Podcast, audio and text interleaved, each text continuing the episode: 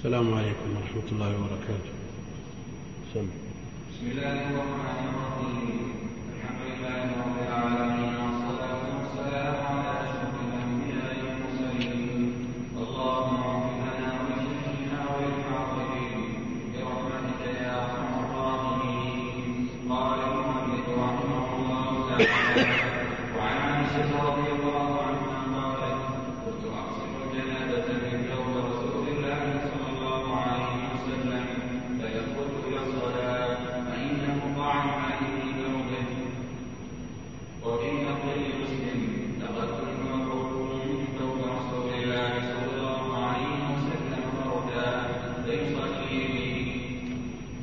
لله رب العالمين وصلى الله وسلم وبارك على عبده ورسوله نبينا محمد وعلى آله وصحبه أجمعين. تقول عائشة رضي الله عنها كنت أغسل الجنابة يعني أثر الجنابة من المني من ثوب رسول الله صلى الله عليه وسلم. بهذا اللفظ يستدل من يقول بنجاسته. لأنها كانت تغسله ولأنه يخرج من مخرج البول. كنت أغسل الجنابة من ثوب رسول الله صلى الله عليه وسلم فيخرج إلى الصلاة وإن بقع الماء في ثوبه. اللفظ الثاني لمسلم رحمه الله لقد كنت أفركه وهذا يستدل به من يقول بطهارته. لأن النجاسة لا يكفي فيها الفرك بل لا بد من الغسل. وهنا الدليل صريح في أنه طاهر لأن النجس لا يكفي فيه الفرك وإنما يلزم غسله. والغسل في الرواية الأولى كنت أغسل الجنابة لأنه مما تستقدر رؤيته في الثوب كالمخاط كالمخاط. فإذا كان رطبا يغسل ويزال ولو بإذخرة ولو بعود ولو بحجر المقصود أنه يزال أثره من الثوب لأنه مما يستقدر ويستقبح كالبصاق. والرواية الثانية وهي رواية الفرك تدل على طهارته لأن ما كان نجسا لا يكفي فيه الفرك بل يلزم غسله بالماء والمسألة خلافية لكن الراجح من خلال هذه النصوص أنه طاهر لكنه باعتباره مما يستقدر ويستقبح رؤيته إن كان رطبا يزال بأي شيء ولو بالغسل وإن كان يابسا يفرك ويزال ويتحت بظفر أو بعود أو نحوه ليزول أثره قد قالت عائشة رضي الله عنها لقد كنت أفركه من ثوب رسول الله صلى الله عليه وسلم فركا فيصلي فيه. جاء عن ابن عباس أن النبي عليه الصلاة والسلام سئل عنه فقال إنما هو بمنزلة المخاط وإنما يكفيك أن تمسحه بخرقة أو بإذخرة يعني بعود شجر أو شبه نعم. وعن أبي هريرة رضي الله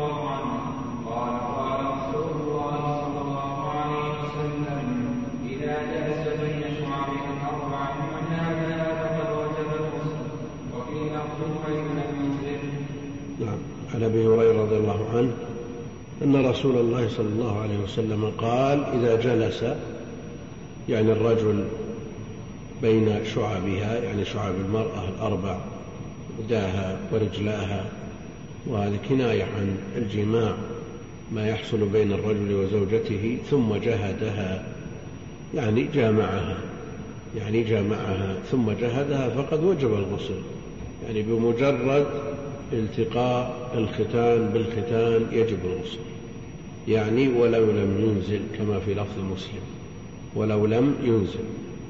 فالموجب للغسل هو التقاء الختان بالختان. التقاء الختان بالختان ولو لم يحصل الإنزال.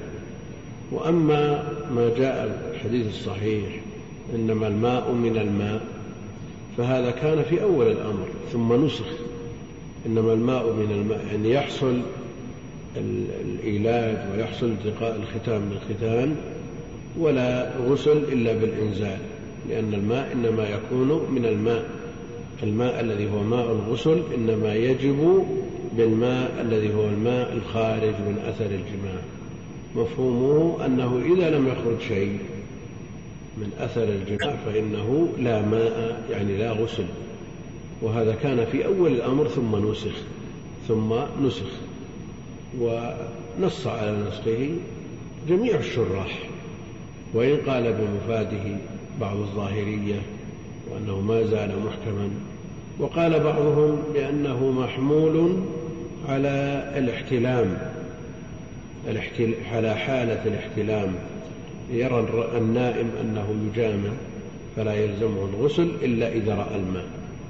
كما تقدم في حديث أم سلمة هل على المرأة من غسل إذا هي احتلمت؟ قال نعم إذا هي رأت الماء. فالماء الذي هو الغسل معلق برؤية الماء الذي هو الإنزال وهذا في حال النوم فقط.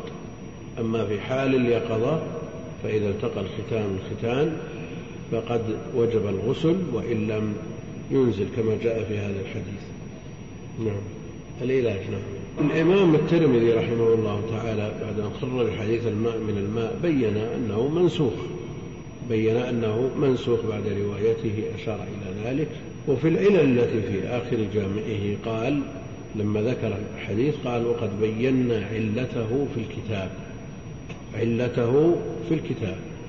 فأشار إلى أن النسخ علة علة لكنها لا تقدح في صحة الحديث. وإن كانت علة بالنسبة للعمل به.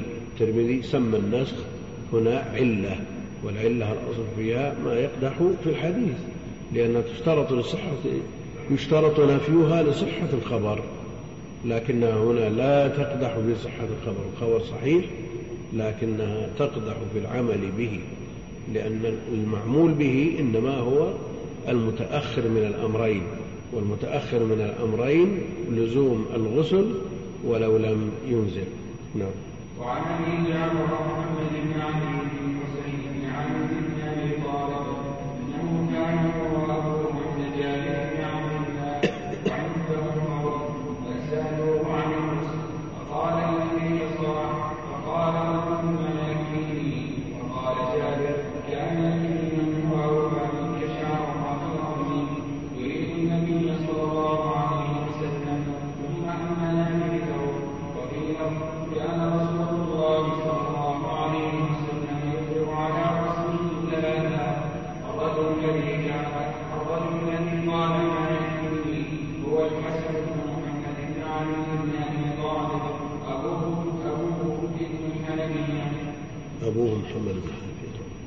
أبي جعفر جعفر هو الملقب بالصادق وأبوه محمد بن علي بن الحسين محمد بن علي بن الحسين المعروف بالباقر.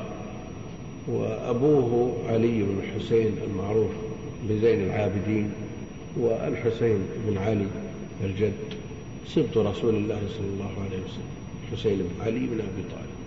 أنه كان هو وأبوه الباقر مع أبيه زين العابدين الراوي الباقر محمد بن علي بن الحسين أبوه كان هو وأبوه زين العابدين عند جابر بن عبد الله بن حرام السلمي الأنصاري الصحابي ابن الصحابي المشهور. كان هو وأبوه وهذا من ما تقدم ما يجب فيه ذكر الضمير المنفصل للفصل بين المعطوف والمعطوف عليه وهذا واجب على ما تقدمت الإشارة إليه. كان هو وأبوه عند جابر بن عبد الله وعنده قوم فسألوه عن الغسل. فسألوه عن الغسل فقال يكفيك صاع. النبي عليه الصلاة والسلام كان يتوضأ بالمد ويغتسل بالصاع إلى خمسة أمداد. الصاع أربعة أمداد فكان ديدنه عليه الصلاة والسلام الاغتسال بالصاع. وقد يزيد في بعض الأحيان إلى خمسة أمداد.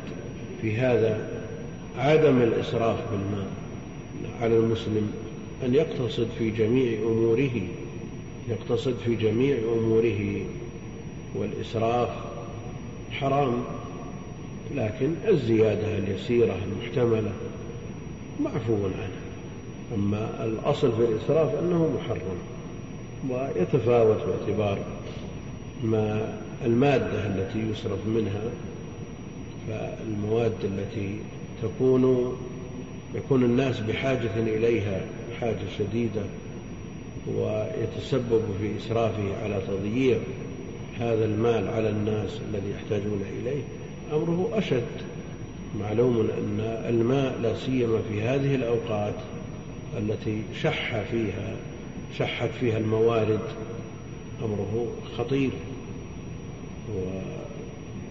وعموم البشرية مهددون بالنسبة للماء على الجميع أن يحتاطوا بهذا الأمر ويرشدوا استهلاكهم من الماء. والشرع لا يأتي إلا بخير ولا خير إلا دل الأمة عليه عليه الصلاة والسلام. ولو كان في الإسراف خير ما اقتصد في مثل هذه الأمور لأن الماء عند بعرف كثير من الناس أمره يسير لا سيما وأن قيمته زهيدة. لكن يتصور الإنسان أنه في يوم من الأيام يطلب الماء من بعيد بنفسه يحضر الماء لنفسه. كون الأسباب تيسرت والجهود بذلت لتيسير هذا العنصر النفيس الذي جعل منه أو علق به حياة كل شيء. نعم هو أرخص موجود سهل الناس في أمره لكنه أعز مفقود. تصوروا إلى وقت قريب وكان الناس يحضرون الماء كل بوسيلته وطريقته بالأواني يحضرونه من بعيد. ينقلونه على رؤوسهم. أن لو كان الأمر كذلك ما حصل مثل هذا الإسراف لكن كون الشيء ميسر مبذول سهل قريب بثمن رخيص يجعل الناس يتساهلون مثل هذا التساهل وإلا فالماء أمره خطير علق به حياة كل وجعلنا من الماء كل شيء حي. فأمره خطير والدراسات تدل على نضوب الماء والمياه الجوفية وغيرها والله المستعان. فهذا ديدنه وهذه طريقته عليه الصلاة والسلام الاقتصاد في كل شيء حتى في الماء. الذي يتراءى الناس أنه شيء آه، شبه لا قيمة له. بعض الناس لا يعتبره مال هو مال. والناس شركاء فيه. لا يجوز لأحد أن يتعدى فيه على أحد ولا ومنع فضله محرم عند كما جاءت في ذلك النصوص. فالنبي عليه الصلاة والسلام كان ديدنه أن يتوضأ بالمد ويغتسل بالصاع. فقال يكفيك صاع يكفيك صاع. لماذا تتصور أن الإنسان في يوم من الأيام محتاج إلى أن يتوضأ بمد لقلة الماء وندرته أو يغتسل بصاع؟ وقد عود نفسه أنه يغتسل بآصع كثيرة توضأ بأمداد. المد ما يملأ كفي الرجل المعتدل. ما يملأ كفي الرجل المعتدل يعني شيء كم تصورون اللتر الواحد من مد؟ نعم. يستطيع إنسان أن يتوضأ بكوب صغير؟ نعم. إذا مر نفسه استطاع. لكن مع هذا الإسراف الذي الموجود وتيسر السبل والأسباب لا يستطيع. فدين الله بين الغالي والجافي. لا يتوضأ وضوء لا يجزي يشبه المسح لا. لكن يسبغ الوضوء ولا يسرف. الإنسان مأمور بالتوسط في جميع أموره. ومع أنه مأمور بالإسباغ منهي عن الإسراف. هذا في كلام ضعيف. ضعيف لكن معناه صحيح. معناه صحيح. فقال يكفيك صاع؟ فقال رجل ما يكفيني ما يكفيني صاع. الآن يمكن كل الناس يقولون ما يكفينا صاع. لماذا؟ لأنه تعود. يفتح الحنفية تبع الماء ويغتسل بآصع كثير. عشرات الآصع. هذا هو الإسراف. فقال رجل ما يكفيني قال جابر كان يكفي من هو أوفى منك شعرا أو خير منك. الشراح يقولون أن المد والصاع بالنسبة للرجل المعتدل الخلقة الرجل المعتدل الخلقة. لكن لو وجد شخص ضخم طويل عريض نعم قد لا يكفي الصاع يزيد يزيد إلى أن يسبغ يفيض إلى أن يفيض الماء على جسده ويغتسل غسل المجزئ على أقل تقدير. فقال جابر كان يكفي من هو أوفى منك شعرا أو خير منك كثرة الشعر تحتاج إلى شيء من زيادة الماء. يريد رسول الله صلى الله عليه وسلم يريد رسول الله صلى الله عليه وسلم. فقال رجل ما يكفيني؟ الرجل الذي قال ما يكفيني يقول المؤلف رحمه الله تعالى هو الحسن بن محمد بن علي بن أبي طالب. محمد بن علي بن أبي طالب المعروف بابن الحنفية المعروف بابن الحنفية لأنه ليس من ولد فاطمة رضي الله عنها إنما هو من من من الحنفية المرأة الحنفية التي تزوجها علي رضي الله عنه. يريد رسول الله صلى الله عليه وسلم ثم أمنا في ثوب. أمنا في ثوب يعني صلى بنا وليس عليه إلا ثوب واحد. ليس عليه إلا ثوب واحد. الصلاة في الثوب الواحد. إذا كان ساترا للعورة جائز. وقد سئل النبي عليه الصلاة والسلام أيصلي أحدنا في الثوب الواحد؟ فقال أولكلكم ثوبان. أن الناس كلهم عندهم أكثر من ثوب. نعم. يستبعد عليه الصلاة والسلام أن يوجد أكثر من ثوب عند الناس كلهم وهذا في عصره عليه الصلاة والسلام هو الغالب. أن كل شخص عنده ثوب واحد ولهذا تعلق الأحكام بالمقدور عليه. لكن الصلاة في الثوبين أكمل لأنه أستر. والإنسان يصلي في ثوبين إزار ورداء أو إزار وقميص أو قميص وتبان. قميص وقباء إلى آخره. المقصود أن يصلي في ثوبين أكمل وأستر. لكن إذا صلى في ثوب واحد يستر المحل المفروض كفى. فالواجب المشترط لصحة الصلاة ستر العورة. ويجب مع ستر العورة ستر المنكب. ستر المنكب. كما جاء في الحديث الصحيح لا يصلي أحدكم في الثوب الواحد وليس على عاتقه منه شيء. ولما قال النبي عليه الصلاة والسلام أول كلكم ثوبان استفهم الراوي من, من أبي هريرة فقال له أتعرف أبا هريرة؟ أبو هريرة نفسه يقول للراوي أتعرف أبا هريرة؟ كان يصلي في الثوب الواحد وثيابه على المشجع. يعني عنده ثياب ثانية لكن يصلي بثوب واحد ليبين أن مثل هذا يكفي. والتعليم بالفعل قد يكون في بعض الأحوال أبلغ من التعليم بالقول. التعليم بالفعل أبلغ من التعليم بالقول. يعني تقول لشخص توضأ بمد وتصور هذا كلام نظري ما يمكن تطبيقه لكن لما تأتي بمد وتتوضأ أمامه وتسبغ الوضوء أمامه خلاص يحتاج إلى أن يتردد. لا يمكن أن يتردد بعد أن رأى بعينه ليس الخبر كالعيان فجابر رضي الله عنه صلى بثوب أمهم بذلك فالثوب كاف إذا كان ساترا للمحل المفروض. ستره ستر العورة شرط من شروط صحة الصلاة. وفي لفظ كان رسول الله صلى الله عليه وسلم يفرغ الماء على رأسه ثلاثا.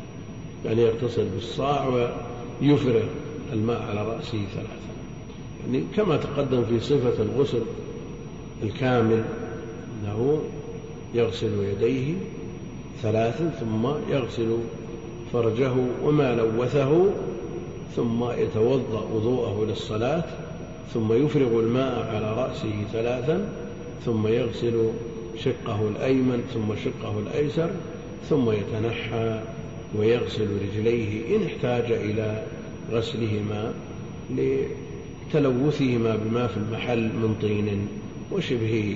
أما إذا لم يكن بحاجة إلى غسل الرجلين فلا داعي له. والله المستعان. كان رسول الله صلى الله عليه وسلم يفرغ الماء على رأسه ثلاثا. ثم قال المؤلف رحمه الله تعالى في بيان الرجل الذي قال ما يكفيني. الذي قال ما يكفيني. وحينئذ الإبلاغ أو المبالغة في الإنكار على من تردد في قبول السنة.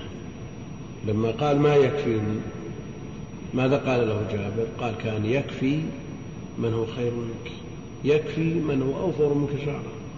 هذا أسلوب نعم يحتاج إليه في بعض الأحوال. وإن كان الأصل في التعليم الرفق كما تقدم دعوه لا تزرموه يعني لا تقرأوا عليه بوله دعوه. اتركوه. هذا الأصل في التعليم الرفق تعليم الجاهل.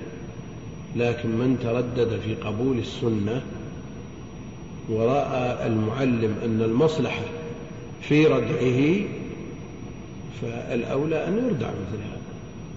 فلا شك أن أسلوب اللين المؤدي للغرض برفق لا تترتب عليه آثار ولا ردود عكسية.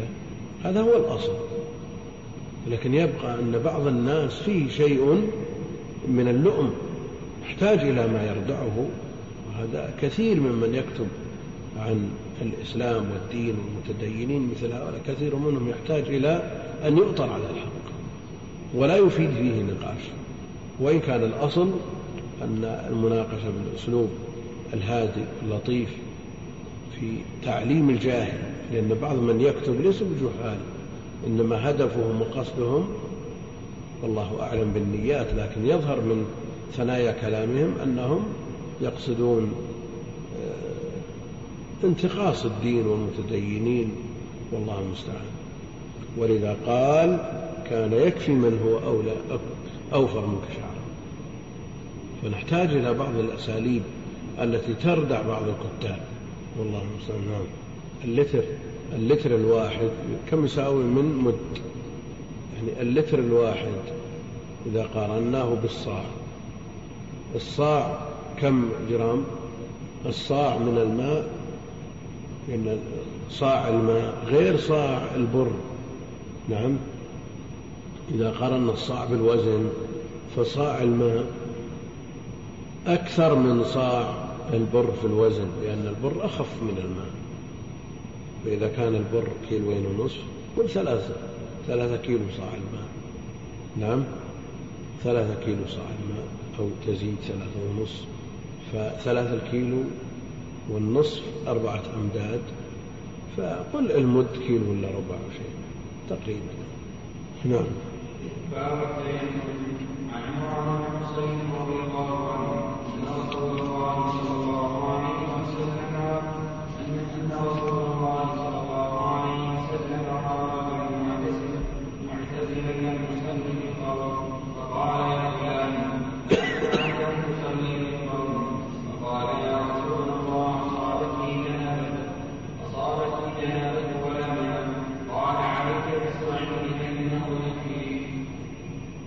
يقول رحمه الله تعالى باب التيمم تيمم في الأصل في اللغة القصد يممت, يممت فلانا إذا قصدته وهو قصد الصعيد الطيب الطاهر وهو ما على وجه الأرض وضربه باليدين واستعماله مطهرا بدلا عن طهارة الماء على الصفة. التي يأتي شرحها عن عمران بن حسين رضي الله عنه صحابي جليل. أبو نجيد كان في مرضه كما في الصحيح يسلم عليه عيانا سلم عليه الملائكة في كلام يسمع في مرضه. فاكتوى فانقطع التسليم فندم فعاد التسليم رضي الله عنه وأرضاه. أن رسول الله صلى الله عليه وسلم رأى رجلا معتزلا لم يصلي في القوم يعني في جملة القوم ومع القوم. لم يصلي في القوم يعني في جملتهم ومعهم. ليس معنى نصلي في القوم أنه يؤمهم لا. معتزل في ناحية في طائفة والناس يصلون. وهذه الجادة والعادة النبوية في مثل هذا وإلقاء السؤال عليه. ما منعك أن تصلي؟ ما قال له قم فصل. ما منعك أن تصلي؟ يسأل عن السبب. لعل لديه سبب مقبول. رجل دخل وجلس. ما قال له النبي عليه الصلاة والسلام قم فصل ركعتين؟ بادئ الأمر. قال له هل صليت ركعتين؟ وهكذا ينبغي أن يلقى التعليم بهذه الطريقة. هل صليت ركعتين؟ احتمال أن تقول قم فصل ركعتين. قال يا أخي أنا صليت. هناك مشهد يأتي شخص فيجلس تقول قم فصل ركعتين. قال يا أخي أنا صليت هناك. والعمود ذاك ما يلزمك تشوف الناس كلهم. فيسأل بأسلوب مناسب. هل صليت ركعتين؟ لأن النفوس لا تقبل الأمر والنهي. يثقل عليه الإنسان أن يؤمر وينهى. لكن يسأل ويستفهم بلطف فإذا تبين أنه جاهل وما صلى يبين له أن هذا أمر مطلوب شرعا. ما منعك أن تصلي مع الناس؟ ما يقال له مباشرة صل مع الناس. أو لا تجلس. أمر ولا نهي؟ يسأل برفق ولطف. وهذا إذا عرف من حاله أو دلت القرائن على حاله أنه جاهل وإلا مثل ما ذكرنا آنفا أنه قد يحتاج إلى شيء من تعنيف المخالف وردعه. هنا ما منعك أن تصلي في القوم؟ فقال يا رسول الله أصابتني جنابة ولا ماء ولا يعرف البدل. لا يعرف البدل. أصابتني جنابة ولا ماء لا يعرف البدل. أو يعرف أن هناك شيء اسمه التيمم وهو بديل عن الماء لكن لا يظن أنه يجزئ عن الغسل. أصابتني جنابة ولا ماء فقال عليك بالصعيد فإنه يكفيك. عليك بالصعيد فإنه يكفيك. والصعيد الطيب طهور المسلم. ولو لم يجد الماء عشر سنين. الصعيد الطيب طهور المسلم ولو لم يجد الماء عشر سنين شخص جالس بدون ماء أو عنده ماء يسير يكفيه للشرب والأكل هذا مثل المعدوم حكما وإن كان موجود عينا حقيقة لكن إن شاء توضأ به مات من العطش. يعدل إلى التيمم إذا كان عنده ماء ولا يستطيع استعماله لمرض أو لشدة برد أو نحوه فإنه حينئذ يكون عادم للماء حكما. يكون عادما للماء حكما وإن كان حقيقة موجودا. يكفيه الصعيد الطيب. وفي الحديث الصعيد الطيب طهور المسلم ولو لم يجد الماء عشر سنين فإذا وجد الماء فليتق الله. وليمسه بشرته دين الله بين الغالي والجافي. لا نقول أنت ما وجدت الماء أو شخص يبحث عن الماء حتى يكل ويمل تضيع عليه الأوقات. في كل وقت يبحث عن الماء حتى يضيق وقت الصلاة. أو يستعمل التيمم مع تيسر الماء وقربه. كما يفعل الكثير من المتساهلين من المسلمين. الماء قريب جدا من عنده ويتيمم نقول لا يا أخي. التيمم لا يجزي ولا يكفي مع وجوده. فلم تجدوا ماء فتيمموا فعلقت صحة التيمم على عدم وجود الماء. أما مع وجوده فلا يجزي التيمم. الصعيد الطيب طهور المسلم يكفيه ولو لم يجد الماء عشر سنين. ولو لم يجد الماء عشر سنين. فإذا وجد الماء فليتق الله وليمسه بشرته. فليتق الله وليمسه بشرته لما يستقبله من أحداث أو لما مضى. نعم. مسألة مبنية على التيمم البديل عن طهارة الماء. الطهارة بالماء ترفع الحدث اتفاقا ترفع الحدث بالإجماع. التيمم الذي هو بديل عن الماء هل هو مبيح لمزاولة العبادات التي لا تصح إلا بطهارة مبيح أو هو رافع رفع مطلق أو رافع رفع مؤقت إلى وجود الماء؟ نعم. رافع رفع مؤقت إلى وجود الماء. إيش معنى هذا الكلام؟ إذا قلنا مبيح أن الحدث موجود. ما ارتفع الحدث موجود. فأنت تصلي وأنت محدث لكنك أذن لك أن تصلي بهذه الطهارة الناقصة المبيحة للصلاة. تقرأ القرآن بهذه الطهارة المبيحة لقراءة القرآن لكن ما زلت محدث. والنبي عليه الصلاة والسلام أقر من قال لعمرو بن العاص أنه صلى بقومه وهو جنوب. نعم. صلى بقومه وهو جنوب فبهذا يستمسك من يقول أن التيمم مجرد مبيح. إيش معنى مبيح؟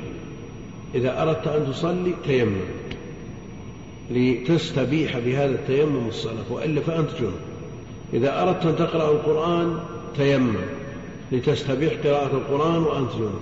إذا خرج الوقت ودخل وقت صلاة أخرى تيمم. ولو لم تحدث.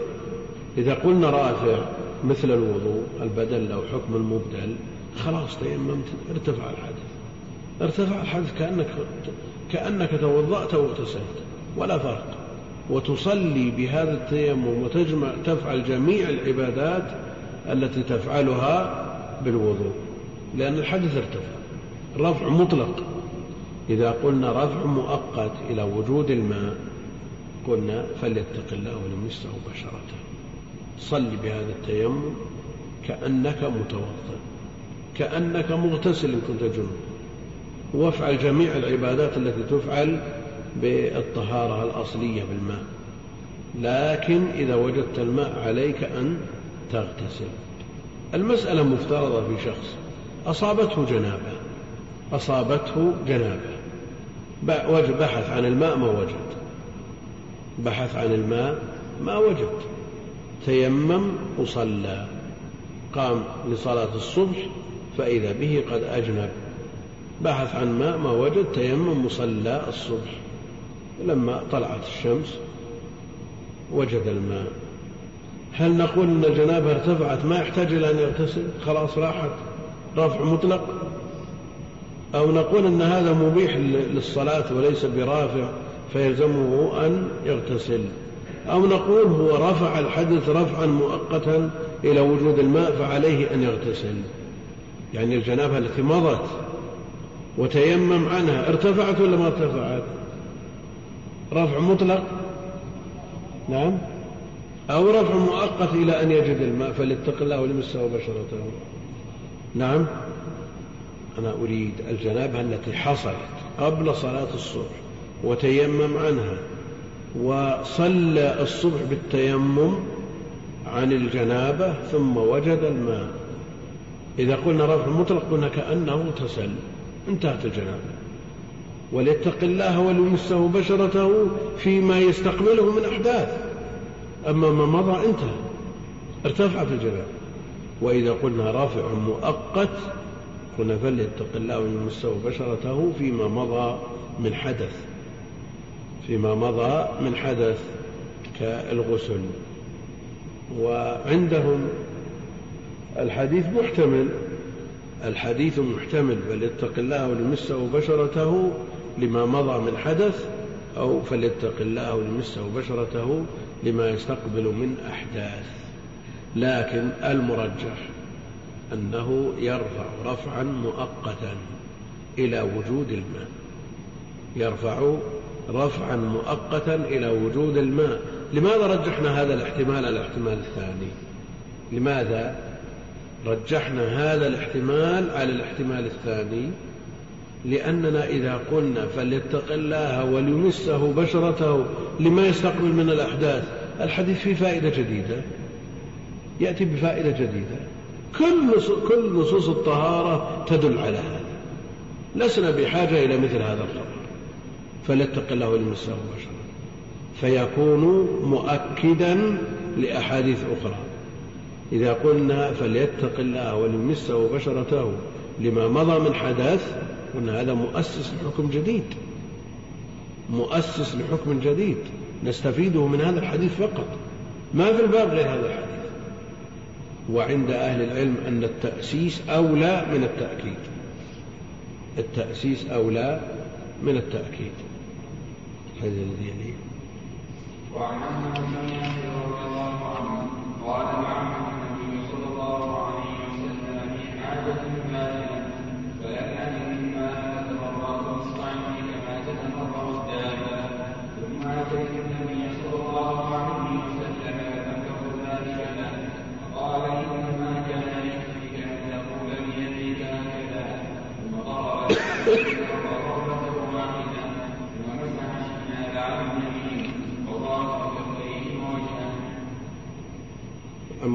ياسر رضي الله عنه قال بعثني النبي صلى الله عليه وسلم في حاجة فأجنبت أصابته جنابة فلم يجد ماء وقد سمع أن التيمم بديل عن استعمال الماء عند عدمه فلم أجد الماء فتمرغت لكن كيف يستعمل التيمم؟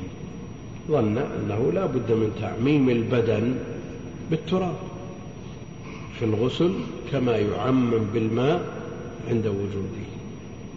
فتمرغ في الصعيد.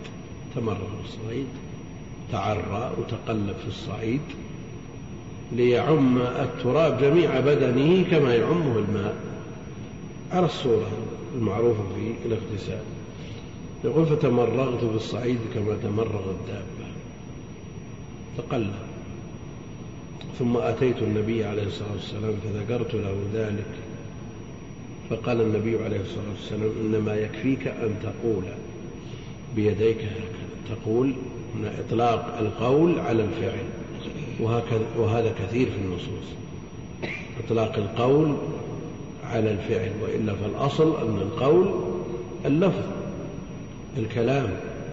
هنا يطلق على الفعل إنما يكفيك أن تقول بيديك هكذا ثم ضرب بيديه الأرض ضربة واحدة ضربة واحدة ثم مسح الشمال على اليمين وظاهر كفيه الشمال على اليمين وظاهر كفيه ووجهه. ما المقدم المقدم مسح اليدين ولا الوجه؟ في الحديث. نعم. نعم. لكنه عطف بالواو. التي لا تقتضي الترتيب. هذا الحديث يدل على أن التيمم يجزي عن الغسل في الجنابة لعادم الماء وأنه لا يلزم فيه الترتيب وأنه لا يلزم فيه الترتيب. وهذا في التيمم البديل عن الغسل. وأما في التيمم البديل عن الوضوء لأن الغسل ما يحتاج إلى ترتيب يعني لو عم جمع بدنه بالماء لأن لو غسل رجليه قبل وجهه في الغسل ما يحتاج إلى ترتيب. الغسل لا يحتاج إلى ترتيب وهذا كذا بدله التيمم لا يحتاج إلى ترتيب. ولذا قال ثم مسح الشمال على اليمين وظاهر كفيه ووجهه. فلا يحتاج إلى ترتيب. التيمم البديل عن الوضوء والوضوء يلزم فيه الترتيب. نعم. إذا بدله يلزم فيه الترتيب. تيمم عن الوضوء يلزم فيه الترتيب. فيمسح وجهه ثم يمسح كفيه. ثم يمسح كفيه. ثم ضرب بيديه الأرض. النبي عليه الصلاة والسلام ضرب بيديه الأرض. وهذا تعليم بالفعل. تعليم بالفعل. وهو أبلغ من التعليم بالقول لأنه ليس الخبر كالمعاينة كما هو معروف ثم مسح الشمال ظاهر. الآن الممسوح الوجه معروف. الوجه معروف حدوده لكن الممسوح في في التيمم. الممسوح في التيمم بالنسبة لليدين. إلى أين؟ هنا يقول وظاهر كفيه. وظاهر كفيه والكف تطلق إلى إلى الرسغ إلى المفصل هذا. الكف تطلق إلى الرسغ. والممسوح اليد. جاءت اليد في آية التيمم مطلقة. وجاءت في آية الوضوء مقيدة. جاءت اليد في آية التيمم مطلقة. فلم تجدوا ماء فتيمموا صعيدا طيبا إيش؟ فامسحوا إيش؟ نعم مطلقة. وجاءت اليد في آية الوضوء مقيدة بالمرافق. فهل نقول في مثل هذا يحمل المطلق على المقيد؟ نعم. يحمل ولا ما يحمل؟ نعم. لماذا؟ الاختلاف في إيش؟ في الحكم وإن اتفق السبب. السبب متفق. السبب متحد. السبب الحدث. والحكم مختلف. هذا غسل وهذا مسح. ما دام اختلف الحكم لا يحمل المطلق على المقيد. وإن اتحد السبب. أيضا آية الوضوء مقيدة بالمرافق وآية السرقة اليد مطلقة ولا يحمل المطلق على المقيد للاختلاف في الحكم والسبب وهذا سبقت الإشارة إليه. وعلى هذا التيمم للكفين فقط وليس إلى المرفقين كما يقول بعض أهل العلم.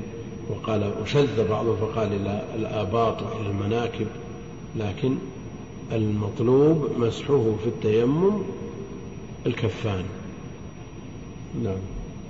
وعن جابر بن عبد الله رضي الله عنه أن النبي صلى الله عليه وسلم قال اعطيت خمسا لم يعطهن أحد من الانبياء قبلي وصرت بالرعب سنه شهر ودعيت إلى خمسه وطهرا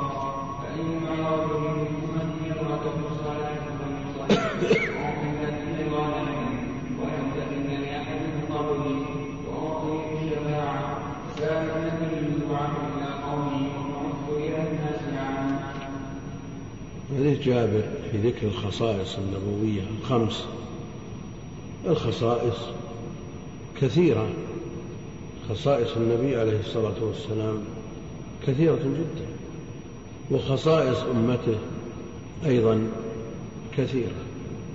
خصت هذه الأمة دون سائر الأمم بخصائص وخص نبيها عليه الصلاة والسلام بخصائص لم يعطها أحد من قبله من الأنبياء. وألفت في ذلك المؤلفات للسيوطي كتاب الخصائص في ثلاثة مجلدات مطبوع في ثلاث مجلدات فالخصائص النبوية كثيرة. هذا لشرفه عليه الصلاة والسلام. التخصيص تكريم تكريم لهذا النبي الكريم عليه الصلاة والسلام.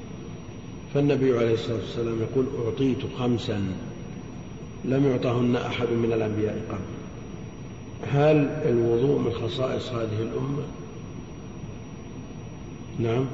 إن أمتي يبعثون يوم القيامة غرا محجلين من آثار الوضوء. فهل الوضوء من الخصائص؟ نعم. أو الذي من الخصائص الغرة والتحجيل والوضوء موجود في الأمم السابقة. نعم الوضوء موجود في الأمم السابقة لكن خصيصة هذه الأمة بالغرة والتحجيل فليس الوضوء من الخصائص لأن جريجا توضأ وسارة امرأة إبراهيم توضأت. فخصيصة هذه الأمة بالغرة والتحجيل يقول أعطيت خمسا لم يعطهن أحد من الأنبياء قبلي نصرت بالرعب مسيرة شهر مسيرة شهر وفي بعض الروايات مسيرة شهرين. نعم. مسيرة شهرين ذهابا وإيابا مسيرة شهر ذهابا فقط. ومسيرة الشهر تبلغ أقصى الدنيا آلاف الأميال. مجرد ما يسمع باسمه يصاب خصمه بالرعب. مجرد ما يسمع الخصم والعدو أن محمدا عليه الصلاة والسلام يجهز لغزوه ينهار لأن النبي عليه الصلاة والسلام نصر بالرعب. ولأمته جماعات وأفراد النصيب من هذا الرعب بقدر اقتدائهم به عليه الصلاة والسلام. فإذا اقتدوا به عليه الصلاة والسلام ظاهرا وباطنا نصروا بالرعب. إذا تخلوا عن دينه وتعاليمه وابتعدوا عن شرعه ومنهجه لم يكن لهم شيء من الرعب. ولذا كما ترون الآن في وضع الأمة الأمة راعبة ولا مرعوبة؟ مرعوبة بسبب بعدها عن المنهج النبوي الرباني. هم أصيبوا وضربت عليهم الذلة بسبب تركهم ذروة سنام الإسلام. كما جاء في الحديث إذا تبايعتم بالعينة تبعتم أذناب البقر وتركتم الجهاد في سبيل الله ضربت عليكم الذلة ولا يمكن أن ترفع هذه الذلة إلا بمعاودة الدين وذلة وأي ذلة وقد سلط على هذه الأمة وهي خير أمة أخرجت للناس سلط عليها من؟ أراذل البشر من ضربت عليهم الذلة والمسكنة إلى يوم القيامة لا يستطيعون أن يتصرفوا إلا بحبل من الله وحبل من الناس. حبل الله مقطوع بقي حبل الناس. لولا من يمدهم من دول الكفر ما قامت لهم قائمة. لأنهم مضروب عليهم ذلة ومسكنة. فهذه الأمة التي ضربت على أراذل الخلق وهم اليهود سلطت على خير أمة أخرجت للناس لماذا؟ مبالغة في النكاية بهذه الأمة. لبعدها عن دين الله وشرع الله يعني لما يقال زيد قتله الأسد. معذور يا أخي قتله أسد.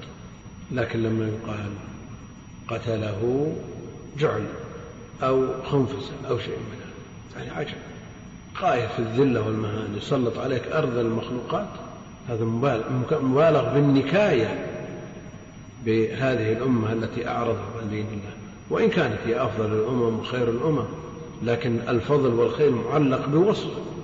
إن وجد هذا الوصف وإلا ليس بينهم وبين الله نسب. إن تتولوا يستبدل قوما غيركم. إن تتولوا يستبدل قوما غيركم ثم لا يكونوا أمثالكم. وإلا فالأصل أن هذه الأمة ما دامت متمسكة بدين الله ملتزمة بشرع الله مقتفية لأثر نبيه عليه الصلاة والسلام هي خير أمة أخرجت للناس. والوصف الذي علقت به الخيرية إن قام كما ينبغي رجعت هذه الخيرية. كنتم خير أمة أخرجت للناس. لماذا؟ لأنكم عرب؟ لا الوصف تأمرون بالمعروف وتنهون عن والله المستعان. نصرت بالرعب فمتى استقامت الأمة على دين الله وعلى شرع الله نصرت بالرعب وهذا أيضا على مستوى الأفراد. شيء محسوس وملموس. إذا وجدت شخص مستقيم على دين الله وعلى شرع الله. تخاطبه وأنت وجه تخاطب تخاطبه أن تأخذ راحك وأنت تخاطبه ما تأخذ راحك. بعض المسؤولين الكبار كبار كبار بأيديهم أمر ونهي وحل وعقد. نعم يأتي ليخاطب عالم من أضعف الناس بنية بل من أضعف الناس شخصية ويرتعد. لماذا؟ لأن هذا استقام على شرع الله. نصر بالرعب. بقدر نصيبه من اقتدائه بالنبي عليه الصلاة والسلام. إيش معنى هذا؟ أن المسؤول الكبير الخطير الذي يملك الجيوش يأتي ليقابل عالم من علماء المسلمين العاملين في الأيام شديدة البرد ويده كأنها مغموسة في ماء من العرق ويرتعد. إيش معنى هذا؟ هذا الرعب هذا الخوف هذه الهيبة التي تقذف في قلوب العباد لمن يعمل بشرع الله عز وجل. نصرت بالرعب وجعلت لي الأرض مسجدا وطهورا. فأيما رجل من أمتي أدركته الصلاة فليصلي. هذا هو الشاهد من الحديث. جعلت لي الأرض مسجدا وطهورا. فأيما رجل من أمتي أدركته الصلاة فليصلي. الأمم السابقة كانوا لا يصلون إلا في مواضع عباداتهم في بيعهم وكنائسهم. في هذا حرج شديد. لكن هذه الأمة جعلت لها الأرض مسجدا وطهورا. أدركتك الصلاة عندك المسجد وعندك الطهور اضرب بيديك الأرض مرة واحدة وامسح وصل وهذا من يسر هذه الشريعة. إن الدين يسر. بعثت بالحنيفية السمحة. وليس معنى هذا أن الإنسان يتنصل من الواجبات ويرتكب المحرمات ويقول الدين يسر. لا يا أخي. الدين يسر نعم. الأصل في الدين أنه تكاليف والتكاليف إلزام ما فيه كلفة لكن هذه الكلفة محتملة.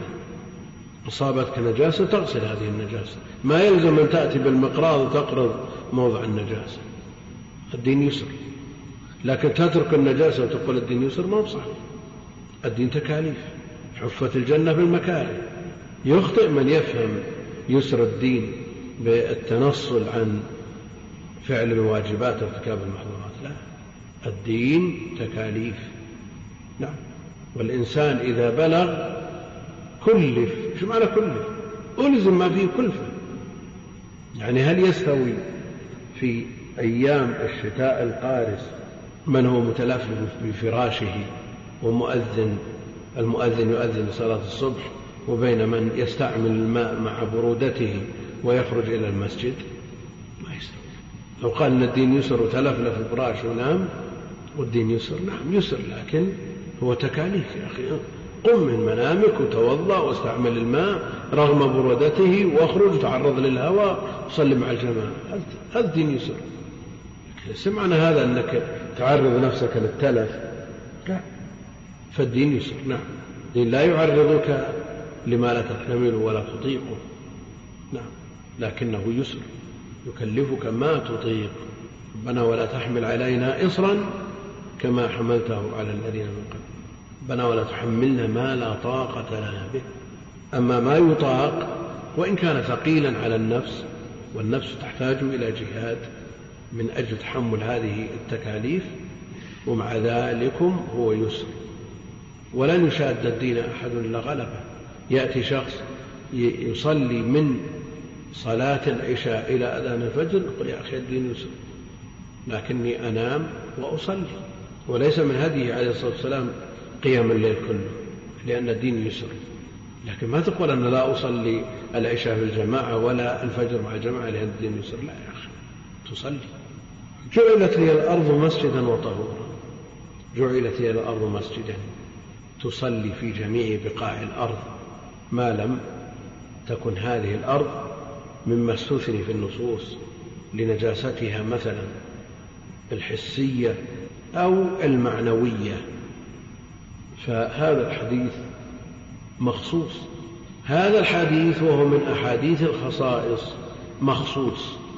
تصلي في مجزرة فيها الدماء؟ لا تصلي. تصلي في مزبلة؟ ما تصلي. تصلي في مقبرة؟ ما تصلي. وغير ذلك مما جاءت النصوص بمنع الصلاة فيه. وهذا تخصيص لحديث الخصائص. ابن عبد البر رحمه الله تعالى والحافظ بن حجر يرون أن أحاديث الخصائص لا تقبل التخصيص. لماذا؟ لأن الخصائص تشريف للنبي عليه الصلاة والسلام. تشريف للنبي عليه الصلاة والسلام. والتخصيص تقليل لهذا التشريف. تقليل لهذا التشريف.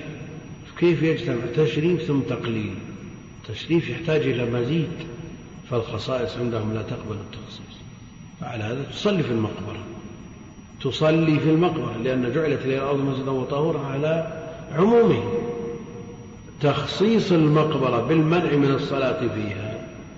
وقد جاء النهي عن الصلاة في المقبرة وإلى القبور. نعم تقليل لهذا التشريع كيف؟ قل يا أخي ابن عبد البر رحمه الله تعالى حينما قال ذلك لاحظ ملحظ وهو أن هو ما ذكرناه من أن الخصائص تشريف والتشريف بحاجة إلى مزيد وليس بحاجة إلى نقص ملاحظة لحقه عليه الصلاة والسلام.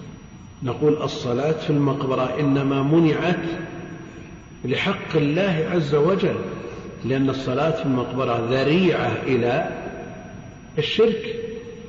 ذريعة إلى الشرك المحافظة على التوحيد من حق الله عز وجل. إذا تعارض حق الله عز وجل مع حق نبيه عليه الصلاة والسلام أيهما أولى بالمحافظة؟ حق الله عز وجل. فتمنع الصلاة من المقبرة مراعاة لحق الله عز وجل. جعلت لي الأرض مسجدا وطهورا. طهورا؟ الصعيد الطيب طهور المسلم. فتيمموا صعيدا طيبا. وهو مقتضى ذلك يتناول جميع ما على وجه الأرض. جعلت لي الأرض بجميع ما على وجهها والصعيد ما تصاعد على وجهها من أي شيء كان. تراب رمل حصى حجر نورة أي شيء على وجه الأرض. حتى الفرش هذا إذا أمكن التيمم به لأنه لوجود الغبار جميع ما على وجه الأرض. الرواية صحيحة في صحيح مسلم وجعلت تربتها لنا طهورا. هل تعارض هذه الرواية مع ما معنا؟ جعلت لي الأرض يعني بجميع ما على وجهها. الرواية الثانية في صحيح مسلم وجعلت تربتها لنا طهورا. هل هناك معارضة بين الروايتين؟ نعم. لماذا؟ الخاص مقدم على العام إذا الخاص مقدم على العام لا لا لا كلام القدر مستثنات منتهي لكن غير القدر وجدنا رمل رمل نظيف أو حجارة نظيفة ملسة ما فيها شيء يعلق بالأرض باليد. هذا على وجه الأرض. تيمم ولا ما تيمم؟ إذا ماذا عن قوله وجعلت تربته؟ أعرف الحنابلة والشافعية يقولون إيش؟ لا يصح التيمم إلا بالتراب. تراب له غبار يعلق باليد. الرمل ما يصح التيمم فيه الحصى ما يصح التيمم فيه ولو كان على وجه الأرض. غيرهم من أهل العلم يقول تيمم على كل ما على وجه الأرض. ها؟ كيف؟ لا ما يلزم. الصعيد ما تصاعد على وجه الأرض. والأرض تتناول جميع ما على وجه الأرض. الجبل تبع الأرض ولا هو تبع الأرض؟ تبع الأرض. لكنه ليس بتراب جعلت تربتها لنا طهورا هل نقول إن هذا عام وخاص والخاص مقدم على العام أو نقول الأرض مطلقة والتراب مقيد ويحمل المطلق على المقيد؟ اولا هل هذا من باب التخصيص أو من باب التقييد؟ يعني هل التراب فرد من أفراد الأرض أو وصف من أوصاف الأرض؟ وصف ولا فرد نعم. لا لا لا ما يلزم ما يلزم. لا لا. لكن الآن نعود إلى لفظ التراب. هل هو وصف من أوصاف الأرض أو فرد من أفرادها؟ إن قلنا وصف قلنا إطلاق تقييد. إذا قلنا فرد من أفرادها قلنا عموم خصوص نعم. نعم. كيف؟ فرد من أفرادها. خلنا على فرد من أفرادها. إذا قلنا التراب فرد من أفراد الأرض وقلنا التراب خاص والأرض عام هل يحمل العام على الخاص في مثل هذه الصورة؟ نعم. يحمل العام على الخاص ولا ما يحمل؟ كيف؟ نقول التراب فرد من أفراد الأرض. إذا التراب خاص والأرض عام. يحمل العام على الخاص. ولا ما يحمل العام الخاص في هذه الصورة؟ ولماذا؟ نعم العام مع الخاص إما أن اتفقا في الحكم الحكم واحد أو اختلفا في الحكم. فذكر بعض أفراد العام بحكم موافق لحكم العام لا يقتضي التخصيص. ويكون ذكر الخاص بعد ذكر العام للعناية به والاهتمام بشأنه. وهنا هذا تنصيص على بعض أفراد العام بحكم موافق لحكم العام فلا تخصيص. طيب إنا أوحينا إليك كما أوحينا إلى نوح. وإيش؟ ومن؟ ومن؟ والنبيين من بعد. نوح خاص والنبيين عام. هل نقول أن الخاص يقضي على العام؟ أو نقول ذكر نوح للإهتمام بشأنه والعناية به والحكم واحد. نعم. لأن الحكم واحد ما بينه خلاف. لكن لو قيل إذا قيل أعط بني تميم. شخص أوصى بشيء لبني تميم. ثم ذكر وصية ثانية يعطى الفقهاء من بني تميم. نعم. قلنا التنصيص على الفقهاء لا يعني أن بقية بني تميم لا يعطون. إنما للعناية بشأن الفقهاء والاهتمام به. الحكم واحد. لكن لو قيل أعط بني تميم في وصية ثم قيل بعد ذلك في وصية لاحقة لا تعطي الفساق من بني تميم. نعم قلنا خلاص. الآن الخاص. نعم أو قيل أعطي الفقهاء ولا تعطي العوام. قلنا الخاص مقدم على العام لأن الحكم اختلف لكن ما دام الحكم واحد لا يحمل العام على الخاص وإنما يذكر الخاص للعناية بشأنه والاهتمام به. لو قلنا أن التراب وصف من أوصاف الأرض وقلنا أن هذا مطلق ومقيد واتفقا في الحكم والسبب فيحمل المطلق على المقيد. وحينئذ لا نتيمم بشيء على وجه الأرض إلا التراب. وإلى هذا ينحو من يقول بأنه لا يجزئ التيمم إلا بالتراب كالحنابلة والشافعية. فالذين قالوا بالتيمم على جميع بجميع ما على وجه الأرض قالوا عموم الخصوص. أو قالوا هذه زيادة تضمنت بعض الاختلاف ولم يروها بل تفرد بها الراوي يحكم عليها بالشذوذ كما قال بعضهم لكنها في صحيح مسلم. لا كلام لأحد. إذا قلنا أن من باب العموم والخصوص مشينا على قول من يقول يتيمم بكل ما على وجه الأرض ولم نخصص بالتراب ويمشي على هذا رأي الحنفية والمالكية وجمع من أهل العلم. ولا نحتاج إلى تخصيص لأن الحكم واحد وذكر التراب للاهتمام بشأنه. وإذا قلنا إطلاق وتقييد حملنا المطلق على المقيد وقلنا لا تيمم إلا بالتراب كما يقول الشافعية والحنابلة والأظهر هو القول الأول أن ذكر التراب للاهتمام به والعناية بشأنه. فأيما نعم. نعم. فأيما رجل من أمتي أدركته الصلاة فليصلي. يعني خلافا لما كانت عليه الأمم السابقة من أنهم لا يصلون إلا في مواضع الصلاة. وأحلت هي المغانم ولم تحل أحد قبلي الأمم السابقة كانوا إذا غزوا وغنموا جمعوا هذه المغانم في جهة. فإن كانت متقبلة أريد بها وجه الله نزلت عليها نار من السماء فأكلتها. وفي شرعنا كلوا مما غنمتم. وأحلت لي المغانم. وجعل رزقي تحت ظل رمحي. ولذا يقرر أهل العلم أن أطيب المكاسب إيش؟ الغنائم. لماذا؟ لأنها رزق النبي عليه الصلاة والسلام. النبي لا يزاول تجارة ولا يزاول ليس له مرتب ولا دخل إلا من المغانم. وهو رزق النبي عليه الصلاة والسلام فهو أفضل المكاسب على الإطلاق.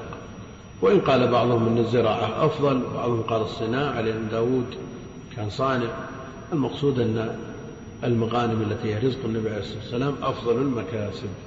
وأحلت لي المغانم ولم تحل لأحد قبلي وأعطيت الشفاعة. أعطيت الشفاعة. والشفاعات شفاعات النبي عليه الصلاة والسلام كثيرة لكن من أعظمها الشفاعة العظمى التي تريح الخلائق كلهم من عناء الموقف وهي المقام المحمود الذي نسأله للنبي عليه الصلاة والسلام دبر كل أذان. وكان النبي يبعث إلى قومه خاصة وبعث إلى الناس عامة إلى الناس كافة بعث إلى الأحمر والأبيض والأسود. إلى الثقلين إلى الجن والإنس. والأنبياء يبعثون إلى أقوامهم ومن خصائصه عليه السلام عموم الرسالة عموم رسالته إلى الثقلين. العرب وغير العرب الإنس والجن. فالذي يؤمن بالنبي عليه الصلاة والسلام نبي لكن يقول هو نبي للعرب للأميين خاصة. هذا ما آمن. من كان يزعم أنه يسعه الخروج عن شريعة محمد عليه الصلاة والسلام أنه أو يصل إلى حد تزول عنه التكاليف هذا ليس بمسلم. من كان يسعه الخروج عن شريعة محمد كما وسع الخضر الخروج من شريعة موسى هذا كافر. الله لا يسمع بي يهودي ولا نصراني فلا يؤمن بي إلا دخل النار.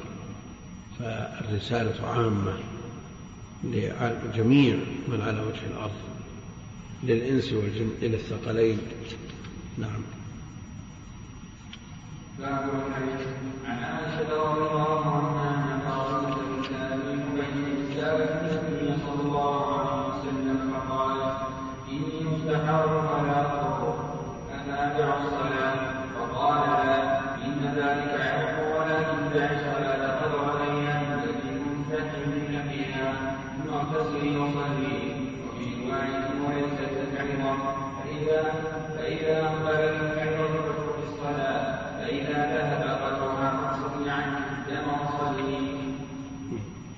يقول المؤلف رحمه الله تعالى باب الحيض.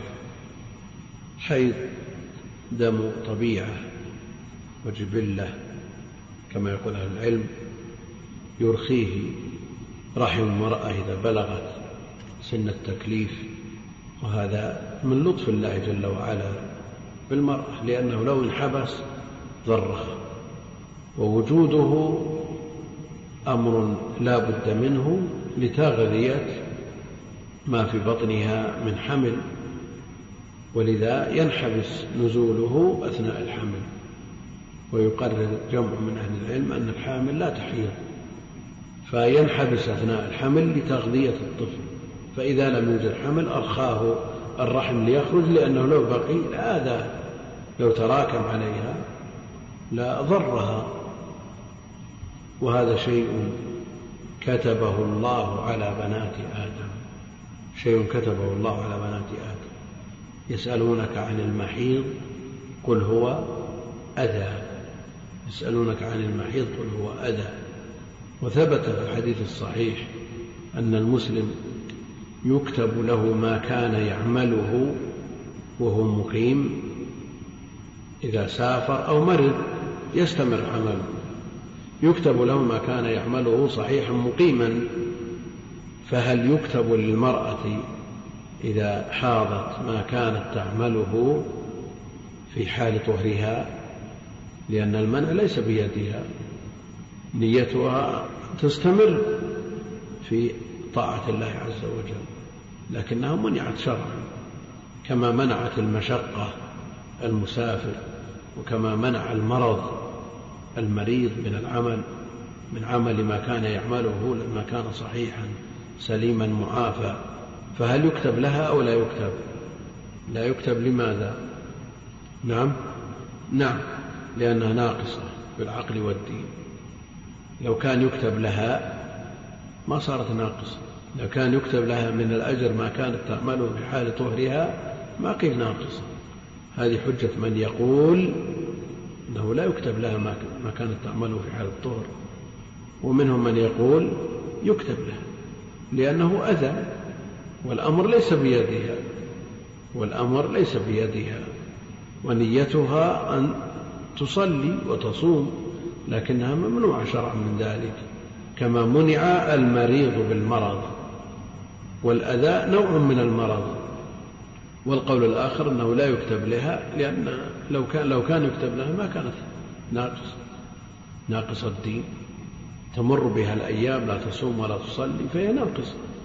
لو كانت كاملة لو كتب لها. وعلى كل حال الأمر بيد الله عز وجل أولا وآخرا. فلا اعتراض على حكمه إن لم يكتب ولا حاد لفضله إن كان يكتب. لا اعتراض لحكمه إن كان لا يكتب لها ما كانت تعمله. فله الأمر أولا وآخرا. ولا راد لفضله إن كان يكتب. فالمسألة محتملة وهي خلافية بين أهل العلم. عن عائشة رضي الله عنها أن فاطمة بنت أبي حبيش سألت النبي صلى الله عليه وسلم فقالت إنه استحاض فلا أطهر فأدع الصلاة. هناك نساء يبتلين بهذا النزيف المسمى عند أهل العلم بالاستحاضة. أو ما يسمى بدم الفساد وهو النزيف عند في عرف الناس اليوم يسمونه نزيف. يبتلى به بعض النسوة.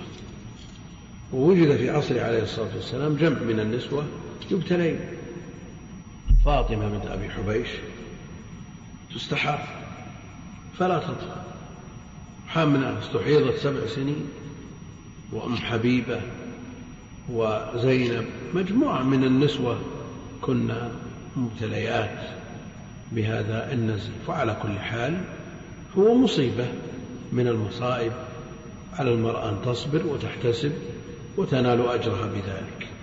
إني أستحاض فلا أطهر. لما حاضت عائشة رضي الله عنها في الحج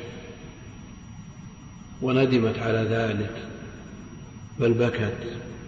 طمأنها النبي عليه الصلاة والسلام أن هذا شيء كتبه الله على بنات آدم. ولما حاضت صفية صفية ولا زينب؟ نعم. قال لا عقرى حلقة حابستنا هي. والسبب في ذلك لأن بعض الناس يتوقع أن هذا نعم اختلاف معاملة من النبي عليه الصلاة والسلام لأزواجه. هذا باختلاف معاملة بل ذلك لما يترتب على الحيض بالنسبة لهذه ولهذه. حيض عائشة قبل دخول مكة. مجزوم بأنها تطهر ولا تحبسه قبل رجوعه. وحمل وحيض آه، صفية إنما كان في آخر الأمر. يعني لو لم تطف طواف. الإفاضة لترتب على ذلك الحبس.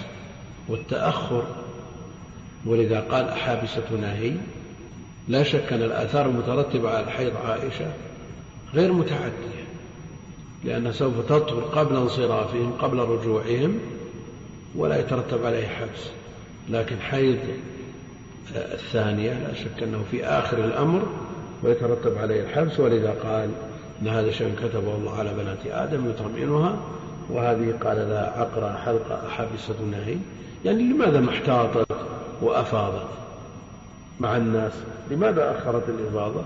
فلما أخبر أنها قد أفاضت قال فلا إذن فلا إذن.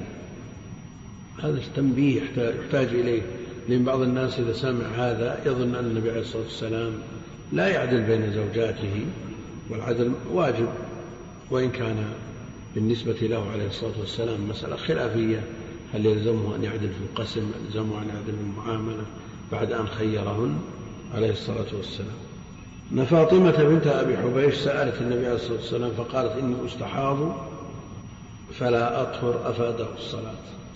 استحاضة جريان الدم من فرج المرأة في غير وقته وفي غير أوانه غير وقت الحيض وأيضا يختلف وصفه دم الحيض أسود يعرف له رائحة ومعروف لدى النساء ودم الاستحاضة يختلف.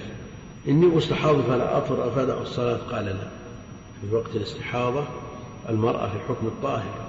إن ذلك دم عرق ولكن دع الصلاة قدر الأيام التي كنت تحيضين فيها.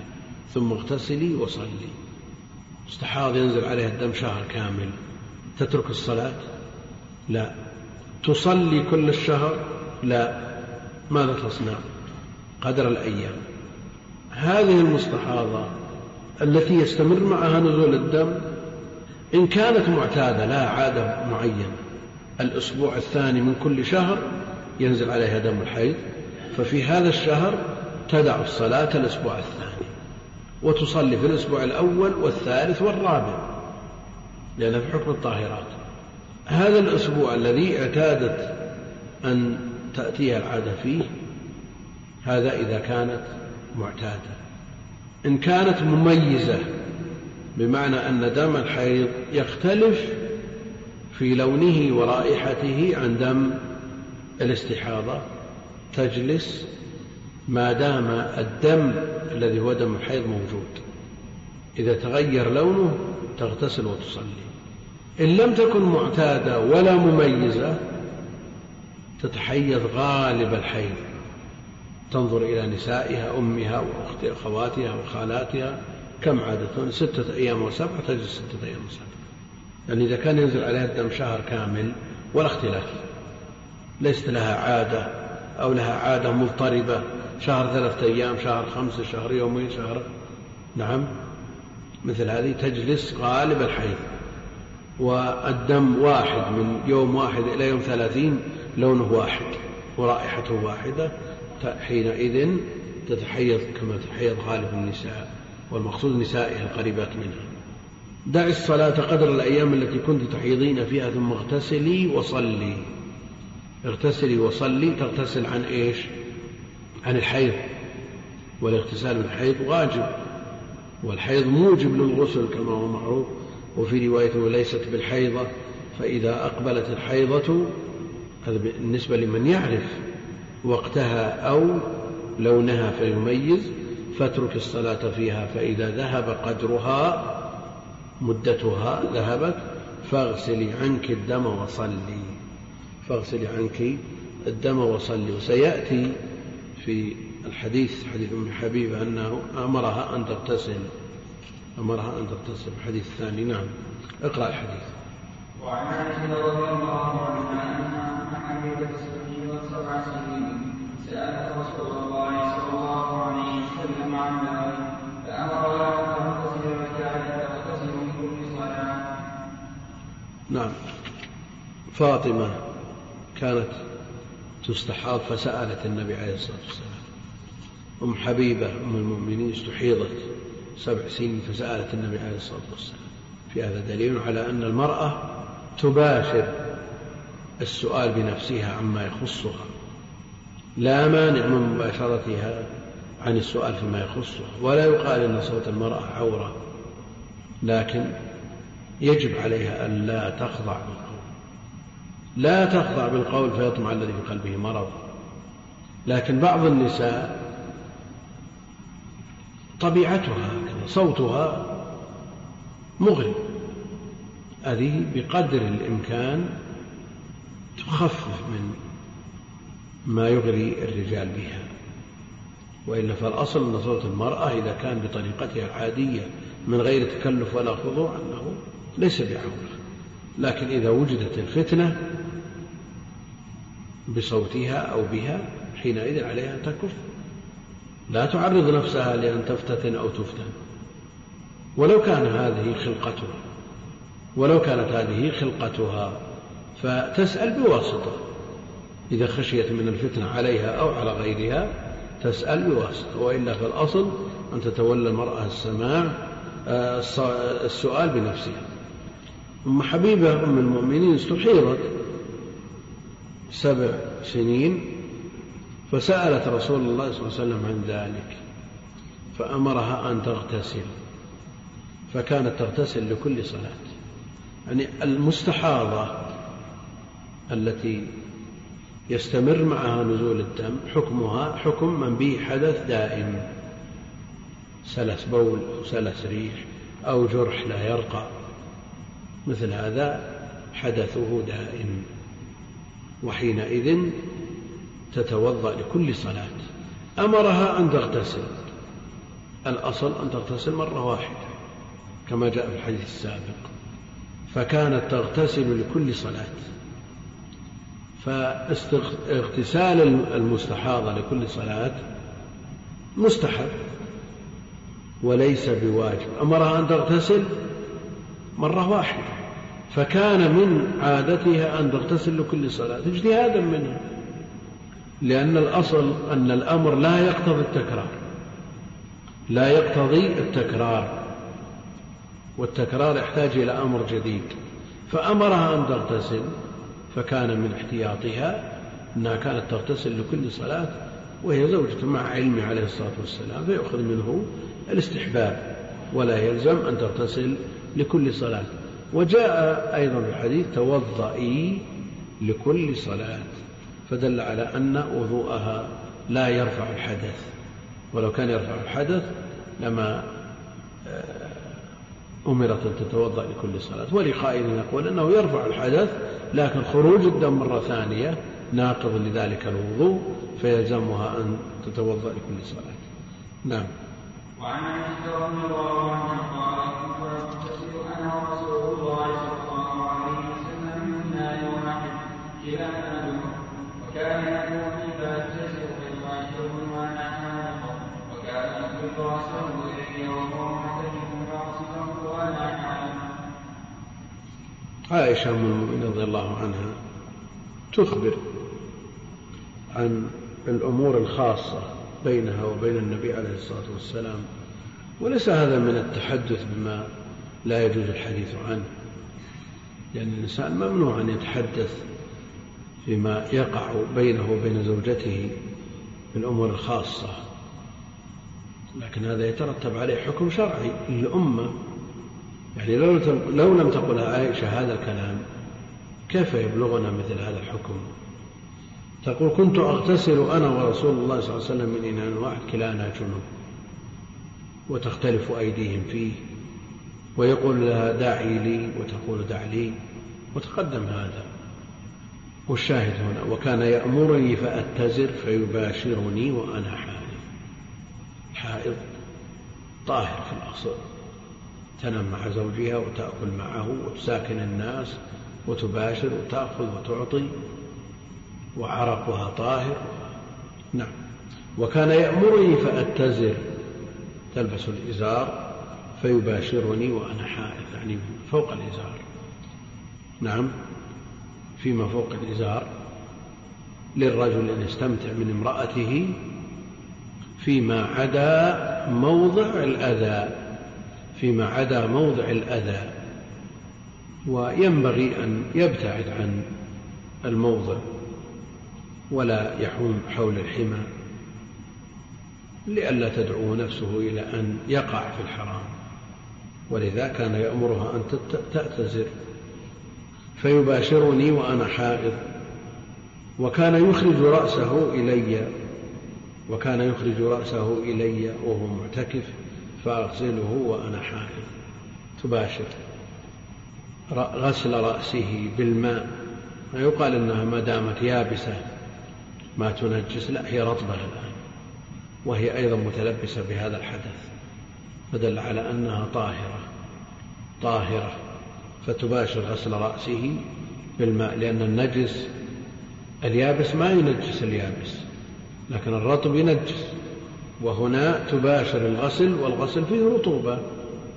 نعم فهو معتكف فأغسله وأنا حائض فدل على طهارة بدن المرأة وعرق المرأة وجميع ما يتصل بالمرأة إلا الأذى الذي هو الخارج النجس. فدم الحيض نجس بالاتفاق يجب غسله.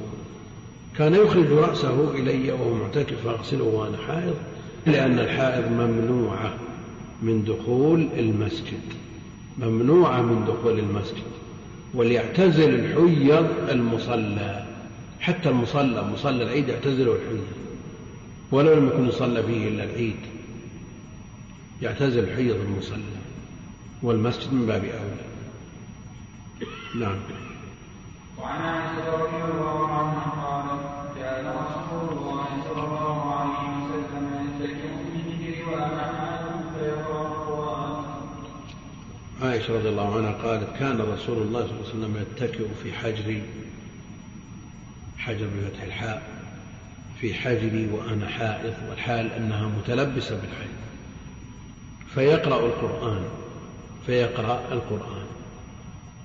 يتكئ في حجر عائشة رضي الله عنها عليه الصلاة والسلام وهي حائض فيقرأ القرآن فدل على أن القرب من الحائض ليس كالقرب من الأماكن التي تمنع من مزاولة قراءة القرآن لا رأسه عليه الصلاة والسلام في حجره وتمس رأسه وهي متكئ عليها بل صدره الحاوي للقرآن في حجرها فيقرأ القرآن. هذا فيه إشارة يفهم منه أن الحائض قل فيه تلويح وإشارة إلى أن الحائض لا تقرأ القرآن. ولولا ذلك لما قالت أنه يقرأ القرآن في حجره طيب هو طاهر عليه الصلاة والسلام. لم يتلبس بمانع. ما الداعي إلى ذكر مثل هذا؟ فلولا أن الحيض له أثر في قراءة القرآن عندهم أثر يمنع من قراءة القرآن لما قالت مثل الخمر لأنه بالنسبة عليه الصلاة والسلام لا يوجد مانع منه إذا المانع المفهوم من الحديث منها. فهذا يستدل به من يقول أن الحائض لا تقرأ القرآن. نعم الدلالة ليست من الوضوح بحيث يكون الحكم متفقا عليه لا. لكن فيه إشارة وتلويح وإيماء إلى أن الحائض لا تقرأ القرآن. يتكئ في حجره رأسه عليه الصلاة والسلام في حجره صدره الحاوي للقرآن في صدرها في حجرها.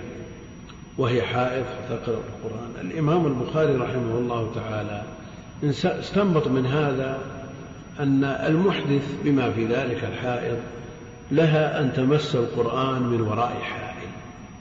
هذا استنباط دقيق جدا. كيف يقول القرآن في جوف النبي عليه الصلاة والسلام فالنبي عليه الصلاة والسلام كالوعاء للقرآن وهي تمس النبي عليه الصلاة والسلام وهو يقرأ القرآن والقرآن في جوفه. إذا القرآن إذا كان في غلاف أو في آه، كيس أو في شيء من هذا للمحدث وللحائض تمس القرآن.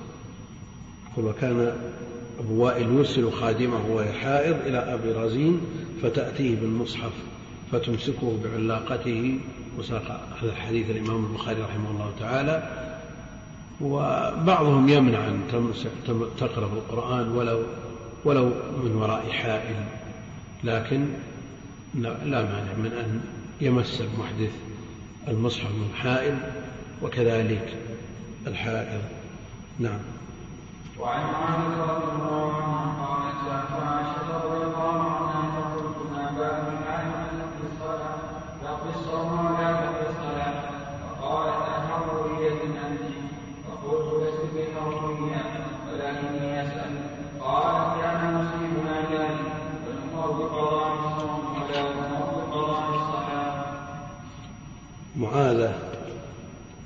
تابعية جليلة الحريصة على أداء ما كلفت به.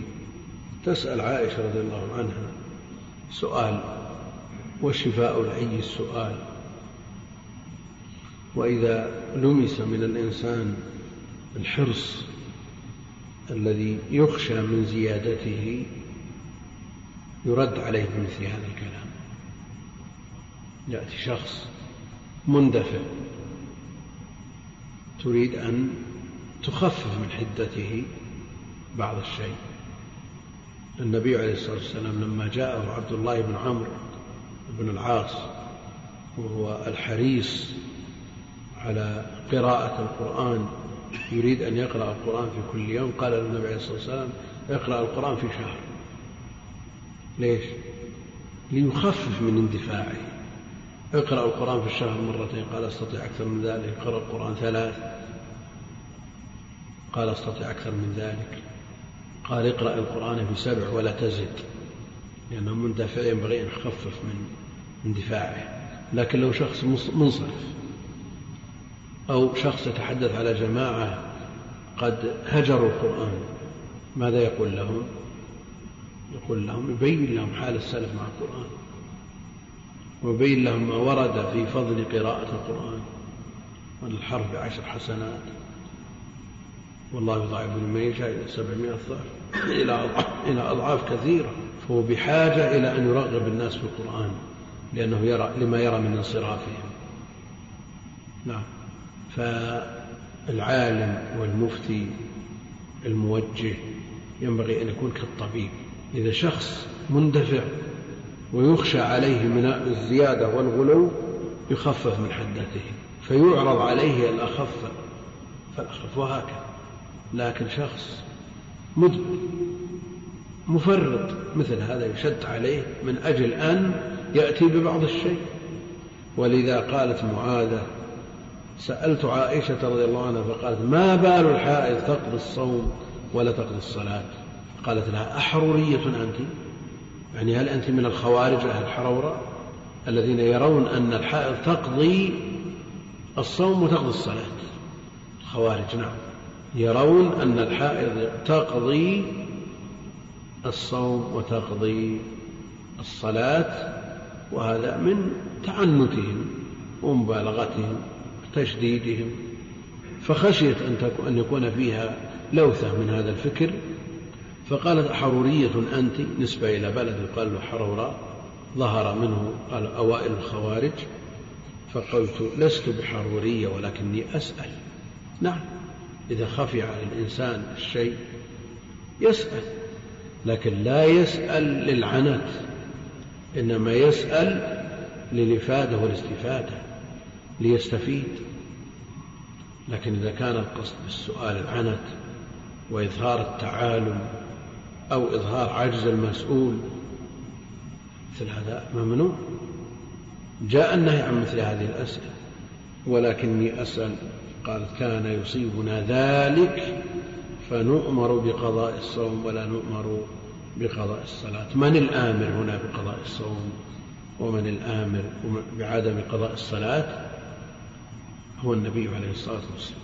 فإذا قال الصحابي كنا نؤمر أو أمرنا فالمتجه أن الآمر والناهي أنهينا أن الناهي والآمر هو الرسول عليه الصلاة والسلام وهو الذي له الأمر والنهي في لا سيما في الأحكام الشرعية. فأجابتها بحديث بخبر. وهكذا ينبغي أن يكون الجواب إذا كان فيه خبر يقنع السائل يفهمه السائل فيجيب المفتي بذلك الخبر. إذا كان السائل لا يستوعب ولا يفهم معنى الخبر يقال له هذا حلال ولا هذا حرام. إذا كان لا يفقه ولا يفهم من عوام الناس. أما إذا كان يفهم ما يلقى إليه فيجاب بالخبر لأن الإجابة بالخبر أقوى. إذا كانت دلالته على الحكم دلالة مطابقة. أما إذا كان مفهوم والسائل لا يدرك دلالة المفهوم أو ما أشبه ذلك فإنه يبين له الحكم وطالب العلم يبين له الحكم بدليله لأنه بصدد أن يتعلم الحكم بدليله والله أعلم وصلى الله وسلم وبارك على عبده ورسوله نبينا محمد وعلى آله وصحبه أجمعين. جزا الله فضيلة الشيخ خير الجزاء وجعلنا الله وإياكم ممن يستمعون القول فيتبعون أحسنه. وتقبلوا تحيات إخوانكم في تسجيلات الراية الإسلامية بالرياض والسلام عليكم ورحمة الله وبركاته.